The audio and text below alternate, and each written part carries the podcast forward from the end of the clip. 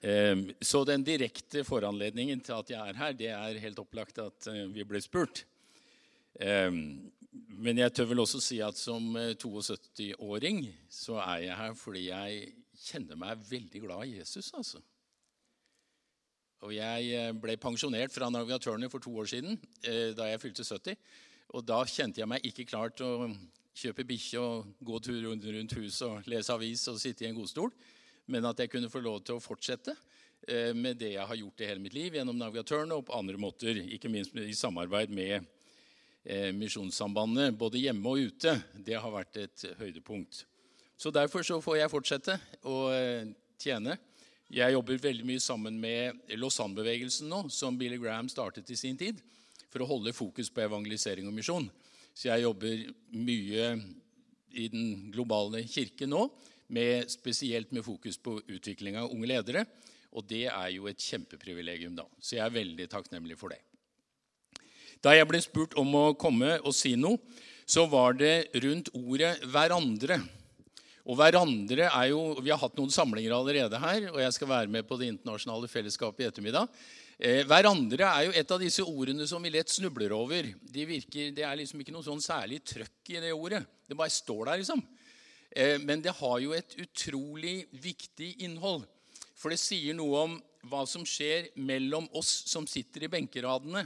Det betyr at det er noe som skjer mellom oss, hverandre. Vi har en tradisjon der vi for så vidt eh, på det gode er vant til at ting kommer ovenfra, holdt jeg på å si, fra talerstoler osv., og, så videre, og det skal det få fortsette med. Og her står jeg noen minutter. Eh, men et av de ordene som brukes veldig ofte i Nyttestamentet og Gammeltestamentet, for den saks skyld, det er hverandre. Og Så ble vi enige om at jeg skulle si noe om det ut ifra første Tesalonikerbrev.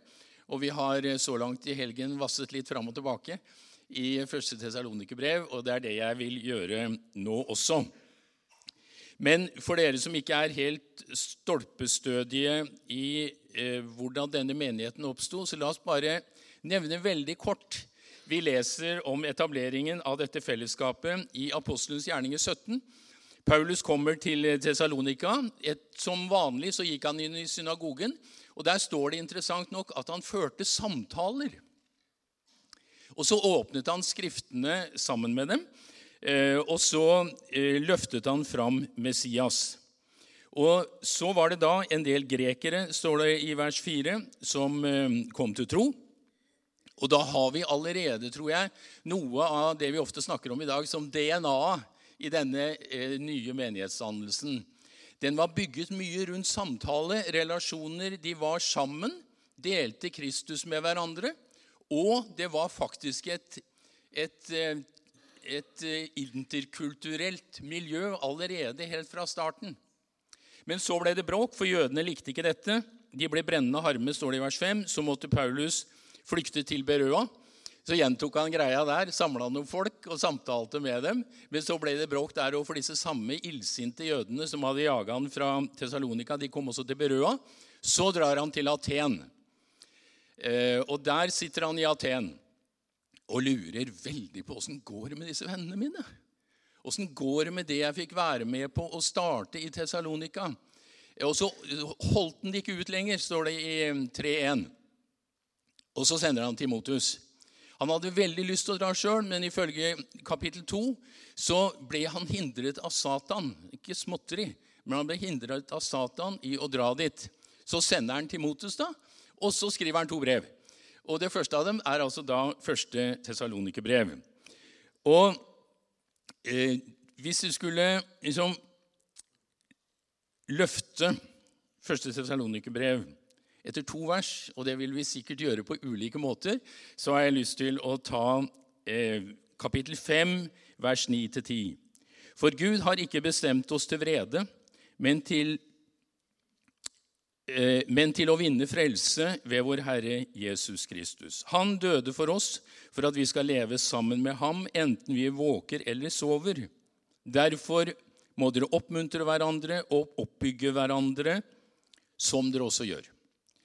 De første eh, versene her det kjenner vi igjen. Det er beskrivelsen av frelsen. Det er beskrivelsen inn i et levende fellesskap sammen med ham. enten vi lever eller våker.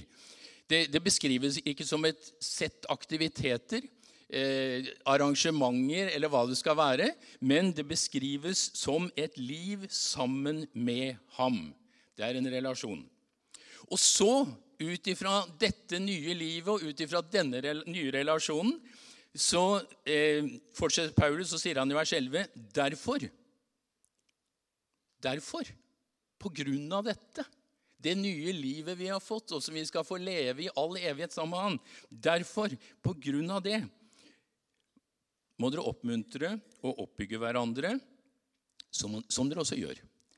Han sier at det, det, det, det, eneste naturlige når vi har fått del i dette Nå snakker vi ikke om en sånn sur pliktsetikk. At nå må du for all del gjøre dette. Og så liksom dynger vi på hverandre med ting vi burde gjøre. Men det er liksom som, et, som en helt naturlig ting av det nye livet vi har fått. Det frigjørende evangeliet setter oss fri til to ting. Det ene er til å oppmuntre hverandre og til å oppbygge hverandre. Og der har vi dette ordet, altså. Hverandre. Et av de mange, mange stedene det står. Og Egentlig er dette to litt ulike ord. For å oppmuntre, det, det skjønner vi hva det betyr. Det er det litt sånn spontane. Det kan, ja, det kan være at jeg sier noe fint jeg har hørt om deg. Det kan være klapp på skuldra, det kan være en SMS, det kan være en opplevelse av at vi ser hverandre osv. Det er ganske spontant. Men det andre uttrykket som brukes, om å oppbygge hverandre, det er et annet ord. Eh, oikodome det handler om å bygge hus. Og når du bygger hus, så er ikke det sånne spontane greier du finner på nå og da. altså. Da bygger du stein på stein. Da er det en plan. Da er det noe vi vil, fordi vi vil bygge Guds rike. Og eh, Jeg syns dette er en god måte å snakke om det på. Vi trenger både det spontane, naturlige, vennlige, eh, blikket, eller hva det skulle være. Og samtidig så trenger vi dette målrettede arbeidet når vi skal bygge, bygge Guds rike og bygge menigheter og forsamlinger. Så det jeg vil eh, gjøre nå, det er å prøve å se litt sånn løfte ut fra 1. Tessalonikerbrev. Ja, men hvordan gjør vi det? Hva er det, Noen hovedtanker, og det er helt opplagt at på noen minutter så blir det veldig overfladisk på én måte. Men jeg vet ikke eh, om Jeg vokste opp med eh, boka som kom ut en gang i året, 'Hvem var hvor?' Er det noen av dere som har den? Jeg har en haug, en stabel hjemme. Jeg veit ikke hva jeg skal gjøre med dem. De tar så stor plass. Nå ligger det vel på data alt sammen, men jeg har liksom ikke hjerte til å kaste disse bøkene heller. Den het 'Hvem var hvor?' Og så tenker jeg Ut fra 1. Tesalonikerbrev så skal vi stokke om rekkefølgen, og da har vi disposisjonen for det jeg vil si. Hvem er vi? Det handler om identiteten vår, hvem vi er. Og så sier vi ikke hva, men vi sier hvor. Hvor skal vi? For hvis vi veit hvem vi er, identiteten vår, og vi veit hvor vi skal, da er det ikke så vanskelig å skjønne hva vi skal gjøre underveis. Men hvis vi ikke har klare tanker om hvem vi er i Kristus, hvis vi ikke har klare tanker om hvor vi skal, så blir det mye rot, altså. Mye tilfeldighet. Lite bygging eh, stein på stein kan veldig lett skje da. Derfor noen eh, tanker rundt disse tre ordene. Hvem er vi? Og eh, brevet er jo breddfullt av det. Det begynner med at vi er i Gud vår Far, og vi er i Herren Jesus Kristus. Vi er i ham, og han er i oss. Eh, vers 4. Vi er elsket, og vi er utvalgt. Når du og jeg, når jeg står, dere sitter Når dere sitter der nå, la det søkke inn. Du er i Kristus. Du er i Gud. Samtidig så er du i Stavanger. På samme måte som disse folka var i Guds far og i Kristus Jesus, så var det i Tessalonika. Det er den doble adressen vår. Vi er her, og samtidig så er vi allerede, som Paulus sier i Efeserbrevet 2, satt i himmelen sammen med Kristus Jesus. Så dette er vår doble adresse. Men vi er altså eh, elsket, vi er utvalgt, vi er reddet, vi er hellige. Vi er søsken. Brukes 27 ganger. Det er veldig mye sånn hverandre-språk Vi er mødre, vi er fedre. Han beskriver relasjonen han hadde til disse eh, som de fikk se komme til tro. I kapittel 2, 7-11 så snakker han jeg var som en mor iblant dere. Jeg var som en far iblant dere. Vi elsket dere. Vi gjorde hva vi kunne for at dere skulle få vokse opp i Kristus, få møte Han og få vokse opp i Han. Vi er familie. Vi er familie. Dette er vår dypeste identitet. Vi er søsken i Kristus, vi er barn, vi er foreldre. Vi er dette, eh, denne familien. Det handler om generasjoner. og det er Noe av det flotte ved å stå her det er jo å se at her tro, vil jeg tro at vi representerer alle tiårene. Og noen er nede en etasje ned. Men det å være generasjoner, det er så vakkert. Dere, Tenk på Gud foretrekker å kalle seg Abrahams, Isaks og Jakobs Gud. Tre generasjoner. Han dekker liksom det hele. Han, han vil at evangeliet skal få leve i, i, oss og mellom oss som generasjoner. Jeg fortalte på fredag kveld en litt sånn rørende historie. Eh, vi var i, i, i Latvia for eh, tre-fire uker siden med et team fra menigheten vår, for vi er, vi er med å styrket uh, ungdomsarbeid helt på grensa til Russland. Og eh, Vi er så heldige å ha 13 barnebarn, Kari og jeg. Og to av de eldste var med på dette teamet, og dere har vært med på før, for å formidle Guds kjærlighet til eh, folk der i Relsvekkene. Og disse to barnebarna de sa jo selvsagt 'farfar' til meg hele tida. Og så var det en av de andre som sånn litt etter at de har vært der en stund, så så, så på meg og sa er det ålreit at vi kaller deg farfar òg? Og så var det en gutt som drev og knyttet skoa sine, og så så han opp og sa Kan jeg kalle deg det òg? Enn jeg ikke har noen far? Eh, hva var det de sa? Unge mennesker og barn har behov for å høre til. De har behov for noen som er eldre enn seg. Og eh, Vi hadde et seminar om medvandring i går. Vi har ikke tid til å gå dypere inn på det. Men vær så snill, få med dere Det er en ungdomsgenerasjon som lengter etter nærværet deres. For ikke altfor lenge siden var jeg sammen med ei flott ung dame, sånn midt i 30-åra. Og Så hadde jeg talt, og så kom hun opp, og så stakk hun bokstavelig talt fingeren i magen på meg. Og så sa hun, 'Hva driver egentlig du og din generasjon med?' 'Tror dere at alt løses fra prekestolen og i komitémøter?' Nei, sa jeg, det vet du jeg ikke gjør. Og så spør jeg men hvorfor sier du det.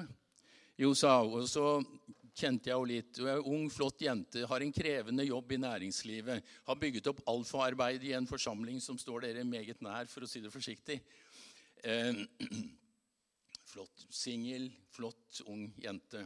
Og så fortalte hun For en stund siden så spurte jeg ei litt eldre kvinne i, i, forsamlingen vår om hun kunne være litt sånn storesøster for meg. Litt sånn medvandrer. Jeg har ikke noe spesielt sjelesørgeriske behov, men jeg trenger noen å sortere tanker og følelser sammen med. Denne dama sa nei, for hun hadde ikke tid. Så gikk jeg til den andre sa hun, og spurte om akkurat det samme. Og den andre dama bare så vekk og sa men, ja, jeg hører spørsmålet ditt, men jeg har jo ikke noe å bidra med overfor deg. Nei, svaret er nei. Så spurte hun den tredje, som også sa nei. Og nå sa hun nå er jeg sykemeldt, og jeg er sint. Um, kjære vene dere, jeg tror ikke dere er sånn. Men vær storebrødre og storesøstre tilgjengelig for de som ser opp til dere og vil gjerne ha dere som forbilder, som det står om her. Ikke fordi dere er så perfekte eller i så glansa utgave. Snarere tvert imot det er de som har et sant og realt og sunt og sårbart forhold til eget liv, som kan bety noe for unge mennesker rundt dere i dag. Vi er familie. Barn trenger det, unge trenger det, alle trenger det. Derfor er det det første punktet som handler om identiteten vår, hvem vi er. Det andre punktet som vi får si noe om, det er hvor skal vi? Første Tesalonikerbrev er spesielt, for alle de fem kapitlene sier noe om Jesu gjenkomst. Jeg tror ikke det er noen av de andre brevene som i hvert eneste kapittel minner oss om at Jesus skal komme igjen. Så dette må tydeligvis være en viktig sak. Og Vi skulle gjerne tatt tid til å lese de alle sammen, men vi, vi har ikke det. Men i kapittel 1, vers 9-10 La meg lese det. De forteller selv hvordan vi ble mottatt hos dere, og hvordan dere vendte om til Gud fra avgudene for å tjene den levende og sanne Gud, og vente på Hans Sønn fra himmelen, Han som Gud reiste opp fra de døde, Jesus som redder oss fra, verden, fra vreden som kommer. Der er det allerede slås det an til Kristus kommer igjen. Men, og mens vi venter, så, så tjener vi Han. I kapittel 9, eh, i kapittel 2, vers 19, så står det om hvordan Jesus kommer, og vi skal stå for hans ansikt. Det er jo et, et vakkert uttrykk. Johannes sier i 1. Johannes brev da skal vi se han som han er, og vi skal bli han lik. Wow! For en dag! Når han kommer, så skal vi stå der ansikt til ansikt og se han som han er, vi som nå ser i et speil og i en gåte. Dette driver oss og motiverer oss. I kapittel 3 at vi skal stå uklanderlige og hellige for Gud når Jesus kommer med alle sine. Tenk på det. Det er denne virkeligheten, vi som har den identiteten vi snakket om, som familie, som søsken, som barn, vi er på vei til dette. Og så kapittel 4 har vi jo dette avsnittet fra vers 13 og utover. Der det er en sånn hvor Paulus debatterer er det en fordel å leve når Jesus kommer igjen, eller er det noen som vil komme før de andre, eller hvordan er dette her? Og det, Den måten Paulus utlegger det på her, hvert fall, det er å si at um, først skal de døde i Kristus oppstå. Eh, og så eh, skal vi som lever, rykkes opp, og så skal vi møtes, og så skal vi alltid være sammen med Herren. Eh, det er brukt mye energi og mange spaltekilometere på, på, på rekkefølgen i dette. Så kan vi kanskje ha litt ulike tanker, men dette er et spennende avsnitt. Og kapittel 5 så står det at han, vi vet ikke når han kommer. Vi vet at han kommer brått. Og det står at det vi i hvert fall skal sørge for, det er at vi ikke sover. Men at vi kler oss i tro, håp og kjærlighet mens vi venter på at han skal komme. Men så er det kanskje et vers som vi skal summere det hele med. 4.18. Trøst og sett mot i hverandre med disse ordene. Det er altså dette. Så skal vi være sammen med Herren for alltid. Trøst og sett mot i hverandre med disse ordene. Min foreldregenerasjon og besteforeldregenerasjon de snakket veldig mye om himmelen. Og det var litt sånn spøkefullt sagt They are so heavenly minded that they are earthly no good. Altså, De var så opptatt av det som skulle komme, kanskje fordi det var såpass krevende, og mange ting som gjorde at de virkelig lengtet og ventet. Det er nok ikke historien om oss i dag. Vi er så her og nå at vi veldig lett mister perspektivene om Kristus som kommer igjen, det herlige som venter oss, det beste, beste som vi har igjen. Um, og uh, vi trenger denne helheten i å leve veldig her og nå, og samtidig ha dette perspektivet. Trøst og sett mot i hverandre med disse ordene. Jeg vet ikke hvor ofte dere snakker sammen om det, men her har vi hverandre igjen. Liksom, hva tenker vi om dette? Hvordan, hva gleder vi oss til når, når Jesus kommer igjen? Det første hvem? Og det andre hvor. Vi har touchet kort fra dette brevet hvem vi er i Kristus, som hans familie. Vi vet hvor vi er på vei. Og så får vi si noe eh, om hva gjør vi da? Mens vi lever med denne trygge identiteten i hvem vi er, og vi er blitt minnet om hvor vi skal. Hva driver vi med? Jo, som vi så her i kapittel 5, eh, vers 11.: Derfor må dere oppmuntre og oppbygge hverandre, som dere også gjør. Han gjør det veldig klart. Det er dette spontane, oppmuntrende fellesskapet der vi heier hverandre fram og det er samtidig et systematisk bygningsarbeid.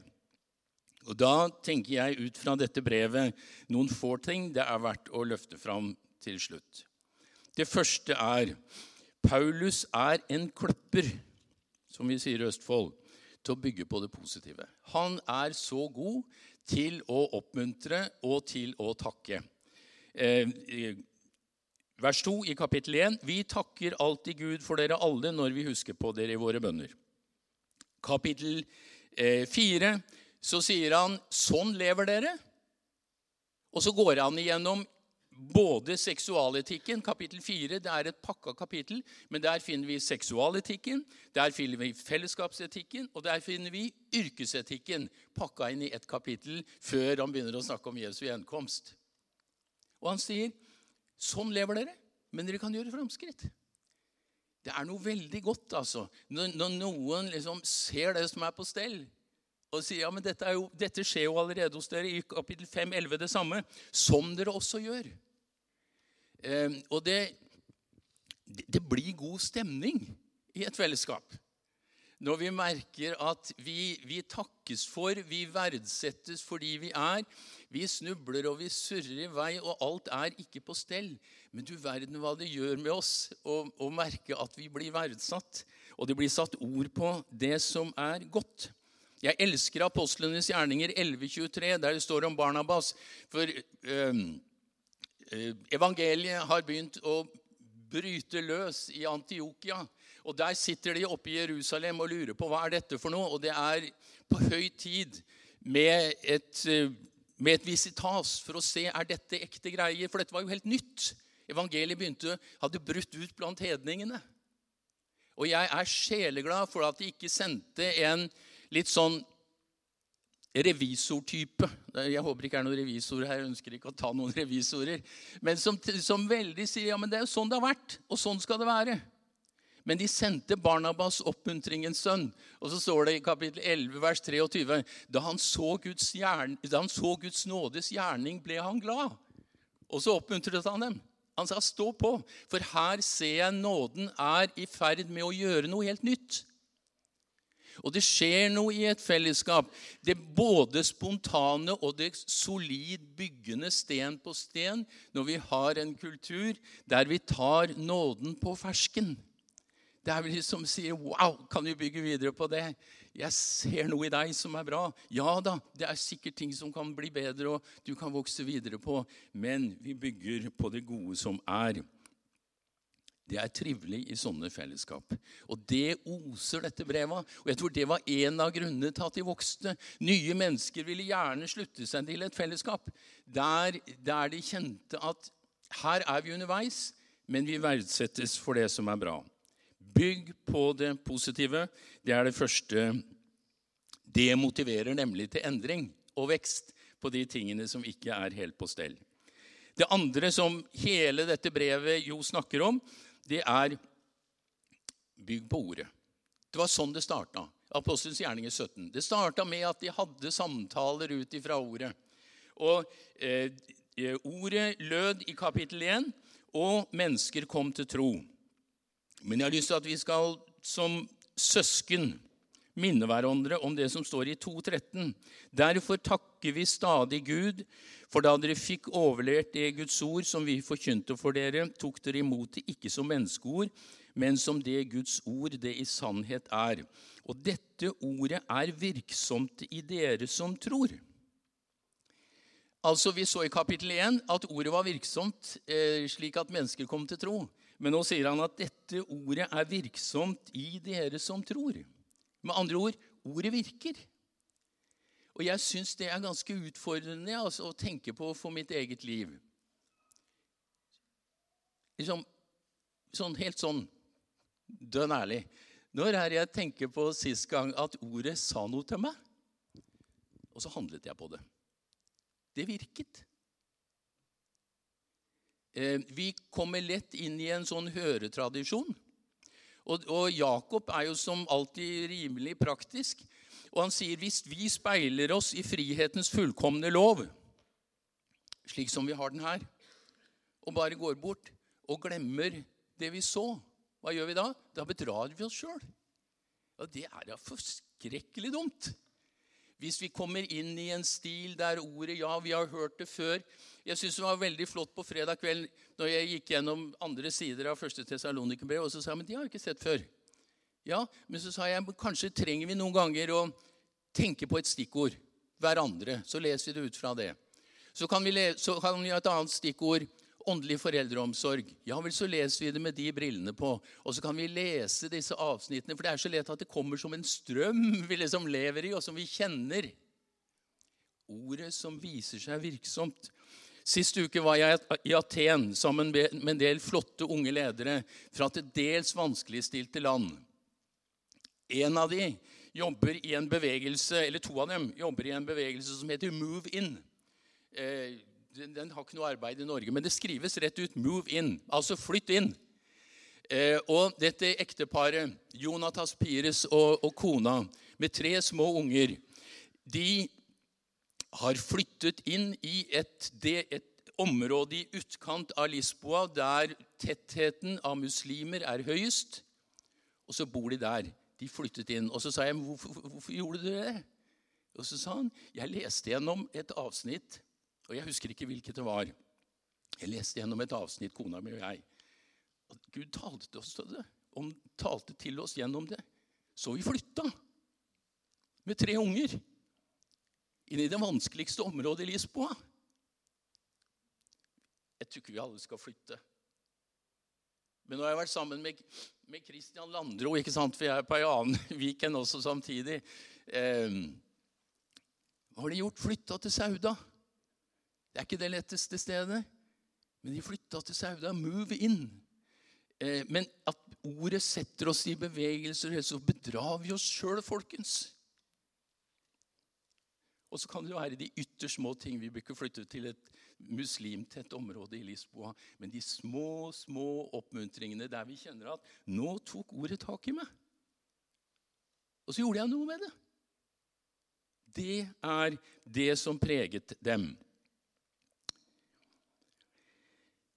Dette er et nådesord, sier Paulus til oss i Apostelens gjerning i 20. Dere husker kanskje avsnittet. Paulus er på vei tilbake til Jerusalem med en pengegave. Og eh, Han har ikke tid til å stikke innom Efesos, så han kaller de eldste til seg ut i Milet.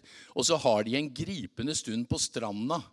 Er det lenge siden dere har lest Apostelens gjerning i 20, så les det i ettermiddag. En gripende historie, for Paulus sier sjansen er stor for at dere ikke får se meg igjen. Det kan godt hende det går ille galt med meg når jeg kommer til Jerusalem. Og så hadde det vært naturlig om han hadde sagt ja, men ja, ja. Men jeg sender Timotus, eller jeg kan sende Silas. Det er alltid noen jeg kan sende isteden. Han gjør ikke det. De sendte folk. Men han sier, 'Nå overgir jeg dere til Gud og Hans nådeord', som er mektig til å bygge dere opp. Han sa det kan godt hende det er mange som vil være til hjelp for dere, men nå bare gir jeg dere over til Gud selv og til nådeordet. Vi lever på mange måter i ei nådeløs tid. Og derfor så trenger vi nådeord. Jeg var sammen med en ung leder i et annet land for ikke så lenge siden. Og så sa hun til meg 'Thank you for mentoring me'. Og så sa jeg 'Hva mener du? Jeg har jo ikke snakka med deg engang'. Og så sa hun 'Når jeg og da, da, hadde jeg den engelske bibelen min som jeg har teipa et utall ganger.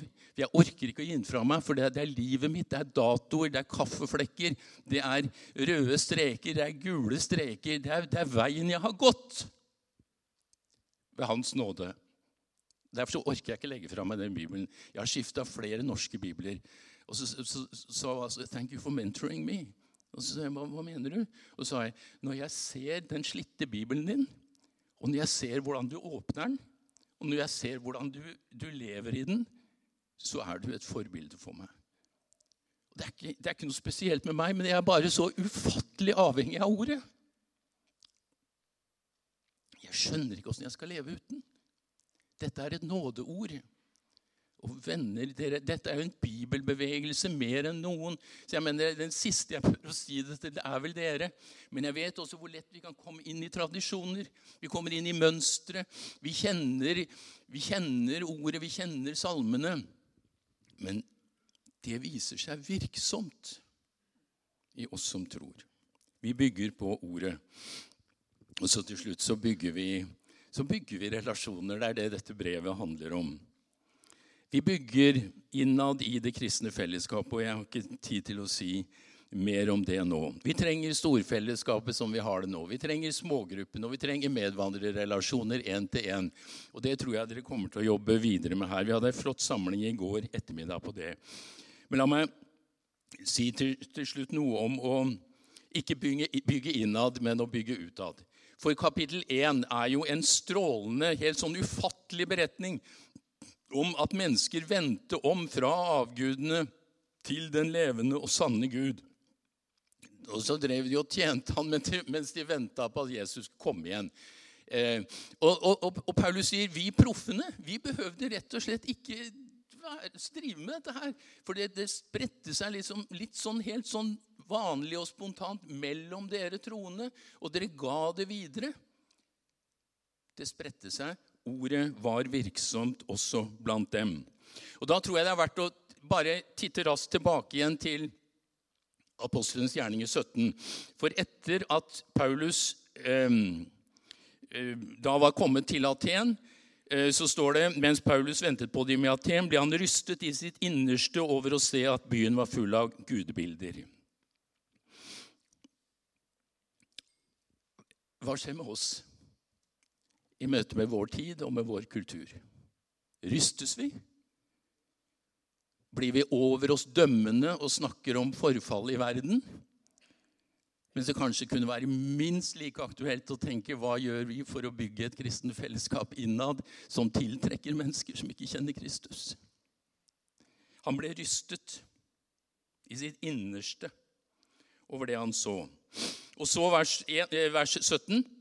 I synagogen, Det er mønsteret hans. altså. I synagogen førte han samtaler med jødene og de som dyrket Gud. Så igjen, han førte samtaler ut fra ordet.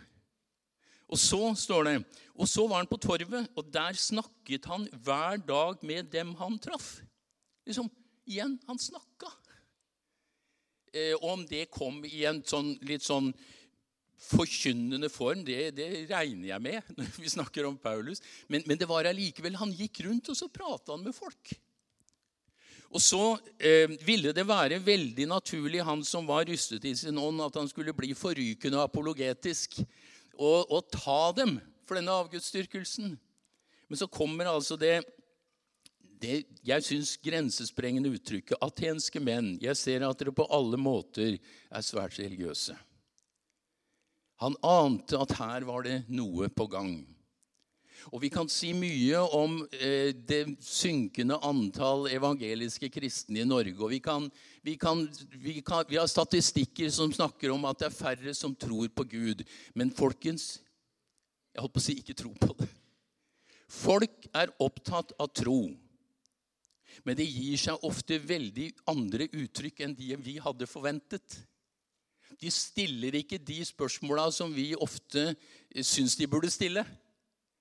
Jeg møter utrolig få mennesker, og jeg lever i en interessant situasjon. På den lille gårdsplassen vi bor, den ene naboen er fra Sri Lanka. Jeg ble invitert til en rituell sånn konfirmasjonslignende sak. De er meget ivrige hinduer. På den andre sida bor det noen fra Vietnam. Da de bygde om, eh, bygde om huset, så innreda de et rom. Og Der står det en buddha-statue. Rett borti gata bor det en muslim fra Kosovo. Eh, og så har vi en herlig norsk eh, gjennomsekularisert kristen småbarnsfamilie vegg i vegg med oss. Så der har vi fire verdensreligioner på ei lita flate. Det er ikke alle steder vi har det, men jeg står midt i dette. Og det er jo utrolig spennende, og det, det, det syder og koker jo av spørsmål.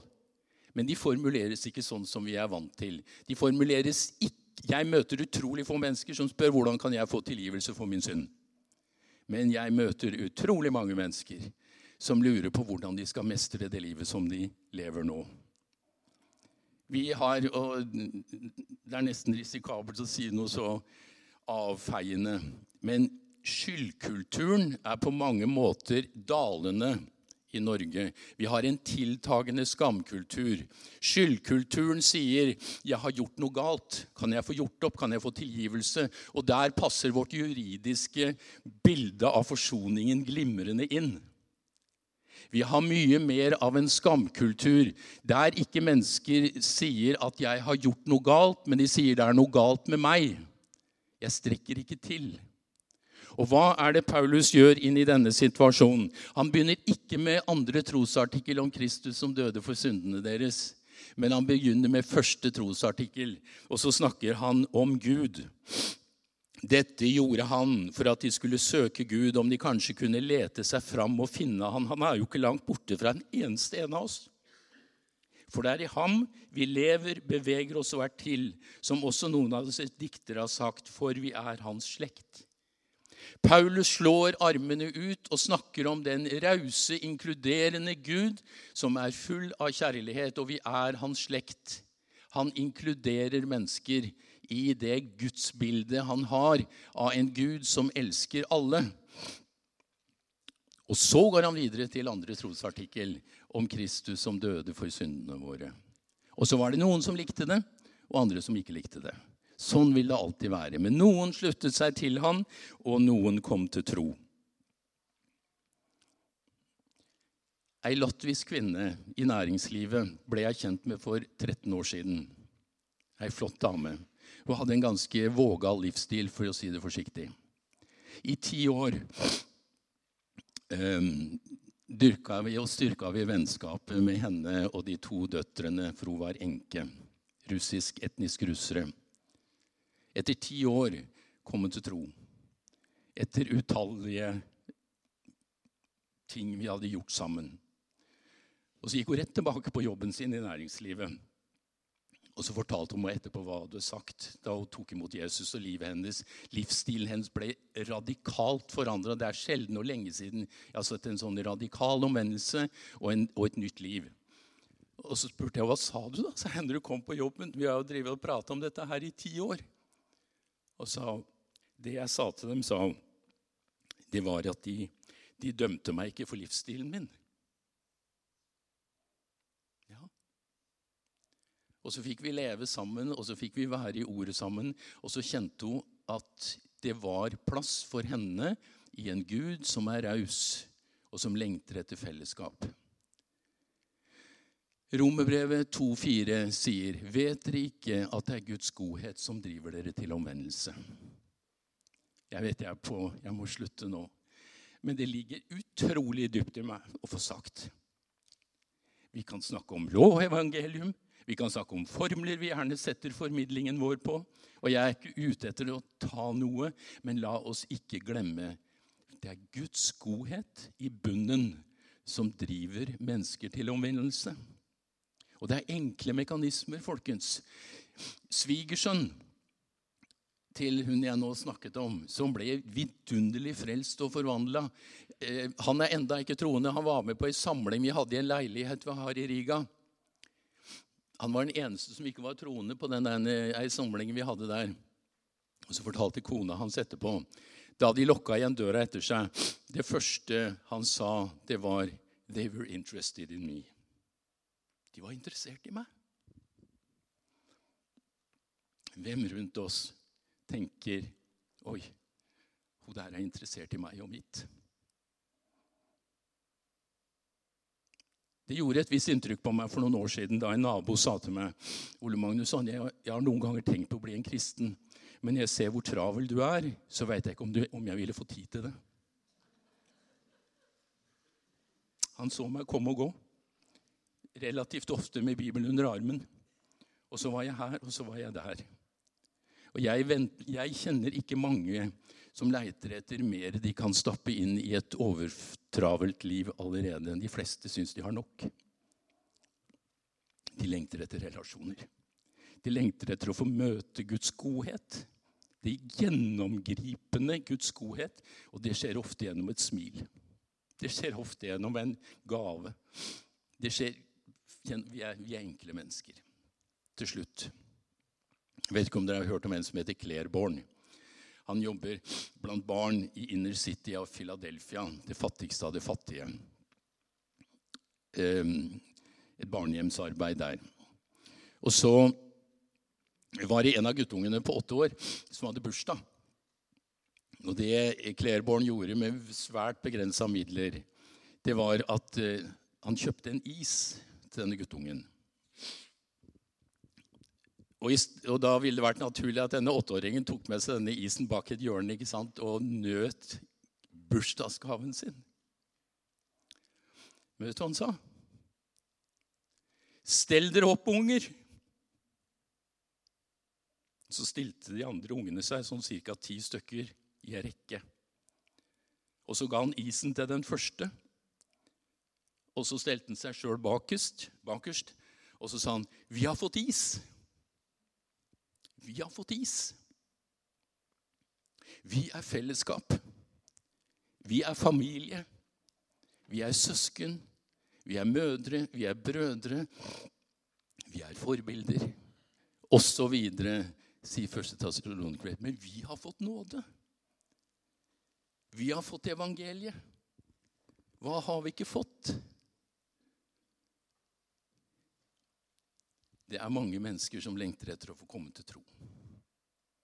Ikke tro det motsatte.